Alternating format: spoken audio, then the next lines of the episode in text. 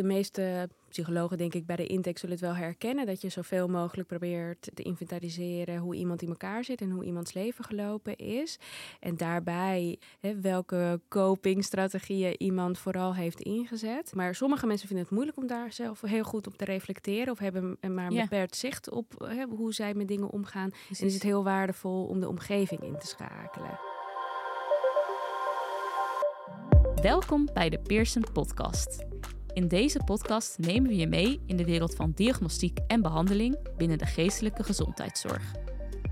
Ik ben Meerte Wildenbeest, psycholoog en productadviseur bij Pearson en ik interview professionals uit het werkveld om antwoord te geven op vele brandende vragen.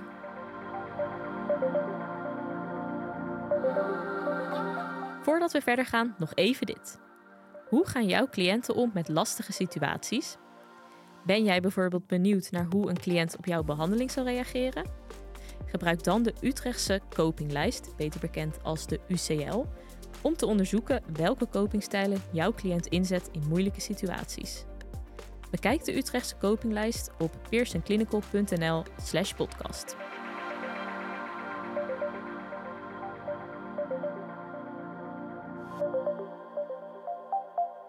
Welkom bij deze aflevering van de Pearson Podcast. We gaan vandaag de volgende vraag beantwoorden, namelijk wat zijn manieren om copingstijlen in kaart te brengen? De expert die vandaag deze vraag gaat beantwoorden en die tegenover mij zit, dat is Mariana Potsch. Ehm, nou, welkom Mariana allereerst en misschien kun je jezelf even voorstellen. Ja, dankjewel. Ik ben Mariana Potsch, GZ-psycholoog, eh, nu werkzaam sinds vijf jaar bij ARC. Eh, specifiek eh, Centrum 45, een kliniek in Oegstgeest. En ik doe daar de hoogintensieve traumatherapie. Oké, nou dankjewel. Fijn dat je er bent. Ehm, nou ja, we hebben het vandaag dus over de vragen, dus wat zijn die manieren om copingstijlen in kaart te brengen? En een eerste vraag is eigenlijk van ja, wat is coping? Wat is de definitie daarvan? Eh, nou, ik weet niet of het echt de expliciete eh, definitie is, maar coping zou je kunnen zien als een strategie die we hebben om eh, ja, eigenlijk om te gaan met problemen of tegenslagen. Eh, en vanuit de coping kun je een copingstijl ontwikkelen. En dat is meer ja, welke manier je geneigd bent vooral in te zetten als er problemen of tegenslagen zich voordoen. Oké, nou helder. Eh, en je noemde al van er zijn dus eh, verschillende copingstijlen. Ehm, ja, welke worden er dan typisch on- ja, onderscheiden? Onderscheiden, ik weet niet hoe je dat zegt. Onderscheiden? Onderscheiden? Welke onderscheiden Welke we? worden er? On, ja. Ehm, welke verschillende zijn er? De, je, ehm, je, kun- je kunt ze eigenlijk in categorieën eh, onderbrengen. Copingstijlen die heel erg gericht zijn op problemen oplossen. Dus Mhm. pro- probleemgerichte coping. En copingstijlen die erg gericht zijn meer op eh, de emoties eh, Mhm. oplossen of verwerken. Dus emotiegerichte coping. En eh, ja, je zou kunnen zeggen, de probleemgerichten zijn vooral erg gericht extern. Hè? Dus het probleem aanpakken. En de emotiegerichten zijn meer gericht op de intern. Eigenlijk eh, jouw emotionele reactie op eh, tegenslagen of problemen. Eh, en je zou ze ook nog kunnen eh, onderverdelen in categorie ja, meer actief. Hè? Dus mensen zijn zich, hoeft niet, maar meer bewust en gaan actief iets inzetten om eh, eh, om te gaan met het probleem. Mhm. Eh, of wat meer passief. Eh, vaak iets misschien onbewuster, maar mensen ondernemen eigenlijk juist weinig of niks in, de, in dat soort copingstijlen. Ehm, met, als ze tegenslagen of problemen tegenkomen. Ja. En vervolgens zou je ze, hè, ja, je hebt, als je kijkt naar hoe je ze in kaart brengt, heb je verschillende vormen. En ik denk hoe meer je eigenlijk inzet om de hè, copingstrategieën van iemand in kaart te brengen, hoe beter. Want dan krijg je een wat breder perspectief erop. Mhm. Ehm, en een handige eh, instrument is de Utrechtse copingvragenlijst, de Ja. UCL. En die onderscheidt zeven eh copingstijlen. Mhm. Ehm, eh, en ja, als je, als je die inzet, maar daarnaast ook nog op andere manieren, daarnaast het inventariseert, krijg je er misschien nou, hopelijk wat breder perspectief en inzicht in iemands copingstijl. En, en hoe wordt ehm, nou, bijvoorbeeld binnen, binnen jouw organisatie dan die UCL gebruikt? Hoe zet jij hem in? Nou, die wordt standaard afgenomen hè, bij, uh, bij de intake en uh, bij ja, eigenlijk onder een standaard vragenlijst, uh, de ROM. Mm -hmm. um, en ja, die wordt eigenlijk gewoon meegenomen in het hele intakeproces. Mm -hmm. om de klachteninventarisatie, casusconceptualisatie en vanuit daaruit indicatie en behandelplan. Oké, okay, dus op die manier zetten jullie hem inderdaad in. Ja. Um, ja, en dan weet ik wat je zei al, bij de UCL heb je dus verschillende copingstaden die, uh, die in kaart kan brengen ermee. Um, heb je misschien wat voorbeelden daarvan, um, ja, hoe dat er dan uitziet in het dagelijks leven? Ja, hè, dus als je kijkt naar hè, dus de uh, vragenlijst onderscheidt zeven verschillende copingstijlen. En je hebt bijvoorbeeld de meer actieve aanpak. Hè, dat is echt in de categorie hè, probleemgericht. Iemand mm -hmm. gaat daadwerkelijk hè, nadenken en iets doen met het probleem of de tegenslag. Proberen het op te lossen. Um, maar je kunt ook denken meer aan iemand gaat heel erg vermijden. Dus iemand een tegenslag of een probleem. En zelfs misschien zijn of haar eigen emotionele reactie erop.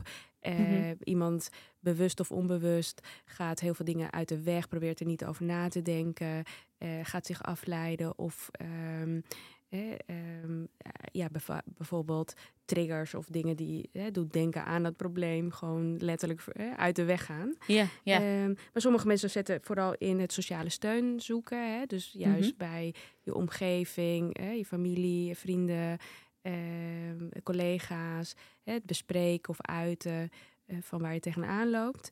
Um, je kunt ook denken aan echt expressie van emoties. Dus hè, je gaat echt een vorm, en dat kan op allerlei manieren. Hè. Dus de een doet het via muziek, de ander gaat schrijven, de ander gaat tekenen, de ander gaat sporten, de ander gaat, uh, nou ja, ook uh, misschien pratend, maar echt, echt gericht op die emotie uitdrukken van wat je voelt. Um, je kan ook denken aan geruststellende gedachten. Dus iemand gaat vooral erg zichzelf ja, soothen, hè, dus geruststellen met proberen te relativeren. Of hè, van, van de andere kant hè, de situatie bekijken. Uh, nou, dat, kan, dat kunnen eigenlijk allemaal hele effectieve copingstrategieën zijn. Uh, afhankelijk van de situatie, afhankelijk van het soort probleem. Um, en afhankelijk van het moment in je leven. Mm -hmm. um, ja, ik denk hoe, hoe meer verschillende copingstijlen, hè, strategieën je uh, hebt ter beschikking. Um, en hoe ja, door ervaring je kunt onderscheiden welk soort copingstrategie ja, eigenlijk het meest effectief zou kunnen zijn per probleem, situatie, moment in je leven. En hoe flexibeler je daarmee om kan gaan. Ik denk dat dat ja, eigenlijk het meest ja, effectief en meer in balans houdt. En mm -hmm. hoe meer iemand wat meer rigide wordt in welke strategie, of vooral één of een paar strategieën heeft ontwikkeld, maar andere niet. Mm -hmm. um, ja, dan kan dat heel lang heel goed gaan, maar op een gegeven moment zie je dat dat uh, tot problemen kan leiden, tot klachten kan leiden op termijn. Ja, dus eigenlijk in de ideale situatie zou je als mens van alles een beetje wat moeten kunnen om de verschillende problemen of situaties die je tegenkomt, uh, ja, om daarmee om te gaan, zeg maar. Kun ja, ik denk dat dat zeg. En ja. kijk, op zich is het prima dat we een bepaalde neiging hebben. En dat maakt ons natuurlijk ook meer uniek. Hè? En dat is ook heel erg ontwikkeld vanuit nou, misschien biologie, erfelijkheid, je persoonlijkheid, hoe jij in elkaar zit. En maar ook natuurlijk wat je leert, opgroeiende, hè, wat je, wat je meekrijgt van, uh, van je omgeving, van je ouders.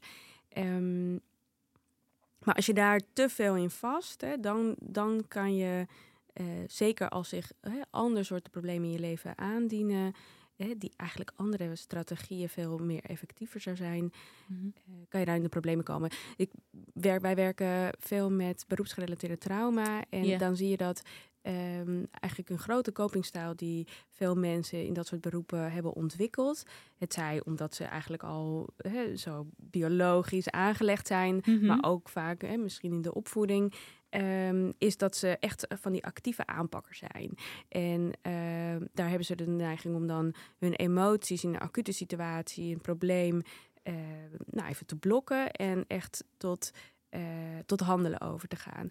Wat super effectief is als er hè, acuut probleem is. Mm -hmm. um, maar vervolgens, als er zich problemen aandienen in hun leven die ze niet kunnen oplossen op die manier met handelen, bijvoorbeeld het overlijden van een dierbare of ehm, eh, hun emotionele reactie na afloop van zo'n gebeurtenis, dat zijn eigenlijk dingen die je niet ja, met handelen kunt oplossen. Nee, dat, nee en dan, weten hoe. Nee. dan kom je eigenlijk dat andere um, ja, strategieën, coping eh, veel effectiever is. Hè. Bijvoorbeeld bij het verwerken uh, van ja, emoties, hè, de expressie van emoties of sociale steun zoeken. En daar zie je dat juist dat strategieën zijn die ze niet zo goed hebben ontwikkeld hmm. of eigenlijk nooit op die manier aangeleerd hmm. hebben. Misschien was het ook nooit nodig geweest in hun beroep? Of? Nee, precies. Hè? Dus, eh, dus um, ze kunnen heel lang eigenlijk het vrij goed doen met de copingstijlen die ze wel hebben. Maar op termijn kan dat, en dat is niet bij iedereen, maar kan dat wel tot vastlopen of klachten of problemen uh, leiden. Ja, helder. En even voor de, voor de duidelijkheid, want jij doet, of jullie behandelen uh, de beroepsgerelateerde trauma. Dus dan hebben we het over uh, beroepsgroepen als brandweer, uh, personeel, uh, politie. Zit ik dan een beetje in de goede hoek te denken? Ja, inderdaad. Hè? Dus uh, veel politie, veteranen die op uitzending zijn geweest. Um, brandweer, ambulancepersoneel, machinisten. Dat zijn eigenlijk veel van de beroepen die wij. Uh, en uh, waarbij mensen in hun beroep, in het uitoefenen van hun beroep, trauma's oplopen. En vervolgens vanuit daar in de verwerking daarvan vastlopen. En uh, posttraumatische stressstoornis ja, ontwikkelen. Ja, ja. ja. ja. oké. Okay. Um, ehm, nee, en, en, je noemde dus die UCL. Dat is dan dus een, een manier om een copingstijl in kaart te brengen. Um, kan je dat ook op andere manieren nog doen? Ja, dus ik denk, hè, de meeste psychologen, denk ik, bij de intake zullen het wel herkennen. Dat je zoveel mogelijk probeert hè, met een anamnese te inventariseren hoe iemand in elkaar zit en hoe iemands leven gelopen is. En daarbij hè, het goed vragen van, nou, hoe is iemand bij het ontwikkelen van die klachten omgegaan met die klachten hè, in de afgelopen periode? Dus dan kan je eigenlijk al uitvragen hè, welke copingstrategieën iemand vooral heeft ingezet. Uh, maar zeker echt meer kijkend naar de, naar de kindertijd en de belangrijkste gebeurtenissen in iemands leven, vanuit de kindertijd hè, tot, tot nu, dat in kaart brengen en kijken, nou, hoe is iemand daarmee omgegaan? Wat was iemands reactie en hoe heeft iemand dat soort, nou ja, misschien moeilijkheden of problemen of tegenslagen opgelost of, of juist mhm. niet? Um, dus dat is een hele belangrijke. Uh, vaak zijn mensen, niet, niet, vaak, maar sommige mensen vinden het moeilijk om daar zelf heel goed op te reflecteren. Of hebben maar een beperkt zicht op hoe zij met dingen omgaan. En is het heel waardevol om de omgeving in te schakelen. Mm. dus mensen die uh, mm. ja, de persoon goed kennen. Eh, denk aan partners of ouders. Of nou ja, misschien volwassen kinderen. Of eh, broers, zussen, goede vrienden, die kan je bij de intakefase eh, vaak ook goed uitvragen van goh, en wat gebeurt er dan als iemand eh, bijvoorbeeld omgaat met die klachten of als er problemen zijn. en dan hebben de naaste vaak iets beter zicht op de mhm. neiging die de persoon heeft om ermee om te gaan of, of te reageren. Mm. dus dat is een, een hele waardevolle informatie. Um, en wat je ook kan doen is echt in het gesprek zelf kijken. Hè? Als, je, als je iemand toch hè, wat meer confronteert met uh, waar iemand tegenaan loopt of uh, iemands klacht. En ja, iets meer druk uitoefent om te kijken van nou, wat, wat doet iemand dan? Hè? Hoe, hoe reageert iemand op dit soort vragen? Mm -hmm. Of uh, om te kijken in je kamer eigenlijk, in het gesprek, welke, welke neiging iemand heeft om ermee om te gaan. Ja, en uh, ik vraag me dan af, want uh, als je zowel de UCL inzet als, nou ja, uiteraard deze methode, dat zal je altijd wel doen, denk ik. Dus met een intake of in een gesprek. Um, ja, wat als die resultaten elkaar nou tegenspreken? Wat, ja, van welk of welke methode ga je dan uit? Wat is het meest betrouwbaar? Wat, ja, wat, zou jij, wat zou jij daarin adviseren? Ja, hele goede vraag. Nou, kijk, ik denk de zo'n vragenlijst is natuurlijk uh, zelf invul. Dus mhm. dat is eigenlijk zegt dat iets ook over wat iemand in ieder geval zelf daarover denkt. Hè, en, uh, en zelf in ieder geval bewust van is.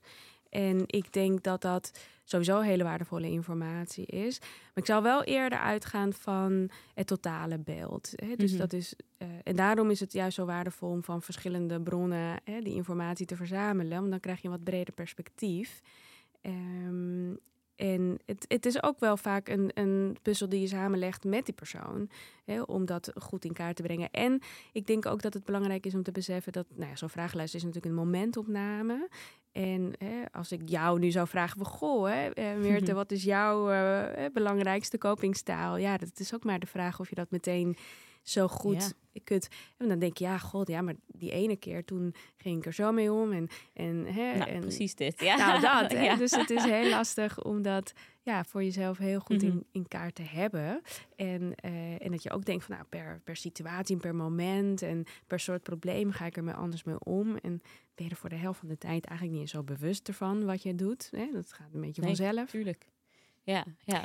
Dus, dus dat eigenlijk allemaal meer bewust maken en in kaart brengen. En, en dat de meeste van ons gelukkig verschillende kopingsstrategieën en stijlen hebben om in te zetten.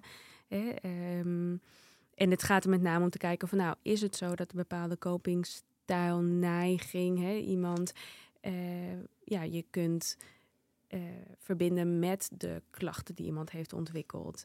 Hè? Dus mm -hmm. of daar, ja, een verband inhoudt. En zou het waardevol zijn als iemand andere copingstijlen leert of um, om um, ja, eigenlijk he, klachtenvermindering uh, te, teweeg ja. te brengen. Ja. Um, en ik denk, ja, daarbij is het denk ik wel uh, in mijn beleving heel erg belangrijk om ja, goed toch echt wel de rode lijn, de rode draad in iemands uh, leven mm -hmm. uh, in kaart te brengen. Ik denk dat dat een hele relevante. Ja, dan kan je misschien de, uh, ja, hoe moet ik dat zeggen, de, de, de eerste neiging van een bepaalde copingstijl van iemand kan je er dan makkelijker uithalen lijkt me. Als ja. je dat allemaal in kaart nou, en, en dat je dan ook ziet dat iemand al op jonge leeftijd een bepaalde copingstijl heeft moeten ontwikkelen. Want dat was toen heel effectief. Mm -hmm. denk als je op, uh, op jonge leeftijd in een gezin opgroeit waarbij het toch vaak, uh, als jij heel expressief je emoties ging huilen of boos werd, werd dat een beetje de kop ingedrukt. Hè? Van nou, dat, hè, dat doen we niet en dan moet je inhouden en dan word je er een beetje voor gestraft. Nou, ontwikkel je misschien een bepaalde copingstijl die op dat moment eigenlijk heel zinvol is.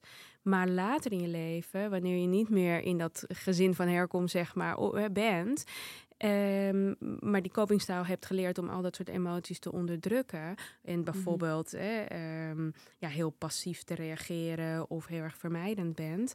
Kan dat je weer in hè, andere settingen zoals studie, werk, hè, een partner uh, met kinderen um, het juist moeilijk maken. Mm -hmm. Ja, precies. Hey, en jij zegt nu inderdaad van, want je werkt natuurlijk voornamelijk met uh, uh, nou, patiënten met trauma. Um, waarbij ik me heel goed kan voorstellen dat het heel belangrijk is om zich te krijgen op die copingstijl. Um, maar zijn er eigenlijk ja, nog andere um, gebieden waarop het dus ja, belangrijk is om copingstijl in kaart te brengen?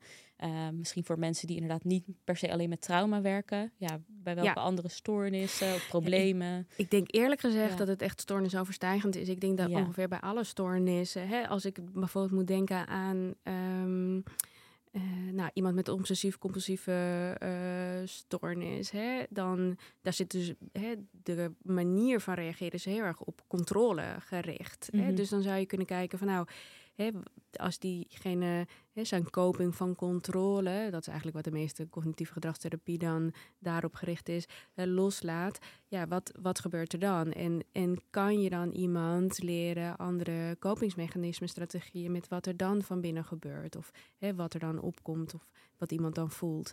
Um, hetzelfde met bijvoorbeeld een, een, mensen met een paniekstoornis. Die zijn dan uh, vaak zie je daar ook echt de copingstijl is uh, enerzijds heel veel emoties onderdrukken, waardoor het zich de spanning en de stress zo opbouwt dat je dan op bepaalde momenten ja, die stress er gewoon uitkomt. En mensen interpreteren dan die stresssignalen als er gaat iets mis in mij. Nou, dan krijg je dus paniek. En dan vervolgens vanuit die hè, paniekaanvallen, gaat iemand een hele vermijdende strategie. Namelijk, mm -hmm. ik moet ervoor zorgen dat dat soort paniekaanvallen niet meer voorkomen. Gaan ze heel veel dingen vermijden. Nou, hè, dus dan zie je eigenlijk dat die, die copings strategie en copingstijlen daar enorme bijdrage leveren aan het ontstaan en het ontwikkelen en het voortduren van zo'n uh, zo'n stoornis. Dus ik denk eigenlijk bijna bij alle stoornissen echt essentieel is. Zelfs de stoornissen waarbij iemand hè, mee is aangeboren, denk maar aan meer ADHD of ja, ADD of ja. Ehm, autisme. Mhm. Ja, dan ontwikkelt iemand vervolgens allerlei strategieën en copingstijlen om om te gaan met dat soort al meer biologisch aangelegde problematiek. dus het is mhm. eigenlijk bijna altijd. Ik, ja, ik, ik ken eigenlijk geen problematiek waarbij de copingstijl niet relevant is. Ja, precies. Dus inderdaad, wat je zegt, echt stoornisoverstijgend. Um, ja, en eigenlijk is het dus altijd goed om daar zicht op te hebben, eigenlijk. Ja, en ik denk bijna altijd wel echt veel nog kunt bereiken als je daar aandacht aan besteedt. Ja, perfect, inderdaad. Oké. Hey, en een, uh, een laatste vraag om het mee af te ronden. Um, je, je, noemde het al net heel kort, maar wanneer is het nou uh, zaak om echt met die copingstijl aan de slag te gaan? Wanneer bepaal je van, nou, hm, misschien is het toch handig als iemand een bepaalde copingstijl gaat zich aanleren. Uh, ja, wanneer bepaal je dat? En hoe bepaal je dat? Um, nou, het gaat natuurlijk als je hè, in kaart brengt en probeert de verbanden te zien tussen de klachten en de problematieken en de, de manier waarop iemand omgaat. Iemand kan omgaan met andere problemen die zorgen. Hè, dus de scoping en de strategie zorgt ervoor dat iemand juist die klachten ontwikkelt. Um, maar je kan ook denken vervolgens die klachten, hoe iemand daar dan weer vervolgens mee omgaat. Dus ook een strategie toepast. En, en zo zou je kunnen eigenlijk elke keer weer nog een laag aan coping. Uh, dus wanneer is dat belangrijk en, en hoe doe je dat? Ja, ik, um, wat ik al eerder zei, het is eigenlijk kijken of je uh, de rode draad kan zien in iemands leven, of je de verbanden kan zien met de, met de klachten. En voor mij is het heel erg de, de vuistregel. Als je eenmaal heel goed in kaart hebt de soort copingstijl waar iemand vooral erg naar neigt, um, zou je kunnen bijna zeggen van, oh waarschijnlijk loopt iemand vast Um, doordat er een gebrek is aan een, een copingstijlen die daar bijna tegenovergestelde van zijn. Dus is mm-hmm. iemand heel vermijdend en heel eh, passief. En um, dan zou je kunnen zeggen: oké, eigenlijk heeft iemand het leren van een actieve, meer probleemgerichte oplossingsstijl. Um, uh, nodig. ja. uh, en andersom, iemand die echt zo, zo'n mm -hmm. aanpakker, en, hè, maar waarbij heel veel emotiegerichte coping wordt, uh, ja, is eigenlijk onderontwikkeld, zou je daar meer op zitten. Dus ik, dat is voor mij een beetje hoe, hoe ik dat. Hey, moet in die hoogintensieve traumatherapie, moet in een hele korte termijn, als ik iemand net heb ontmoet, proberen zo. En op basis natuurlijk van alle informatie wat ik daarvoor al ja. heb. Um, ja, kijken waar, waar met name het vastloopt. En uh, dat is mijn manier om dat op een hele snelle manier. Als ik, als ik eh, snel zicht heb op, ah, dit is hoe jij vooral met je, eh, met je problemen en met je klachten omgaat, um, dan uh, is er waarschijnlijk een tekort of onderontwikkeld aan, mm -hmm. ja, mhm. zou je bijna kunnen zeggen, tegenovergestelde. Ja, ja, klinkt eigenlijk heel logisch inderdaad, maar uh, hartstikke goed om te weten. Um, ja, volgens mij zit de tijd er alweer op, dus uh, heel erg bedankt voor al je inzichten. Fijn dat je dat uh, wilde delen. En nou, ik hoop dat je het leuk vond om, om hier te zijn. Heel graag gedaan en bedankt voor de uitnodiging. Vond het heel leuk. Graag gedaan. Vond je dit een interessante podcast? Volg dan ons kanaal zodat je op de hoogte blijft van nieuwe afleveringen. En deel de podcast gerust met je collega's als je hem interessant vond. Wil je een vraag insturen of jouw feedback met ons delen? Dan kan dat via pearsonclinical.nl/slash podcast. Daarnaast hebben we ook een speciale actie voor onze podcastluisteraars. En deze is te vinden op dezelfde site, dus pearsonclinical.nl/slash podcast. Tot de volgende keer!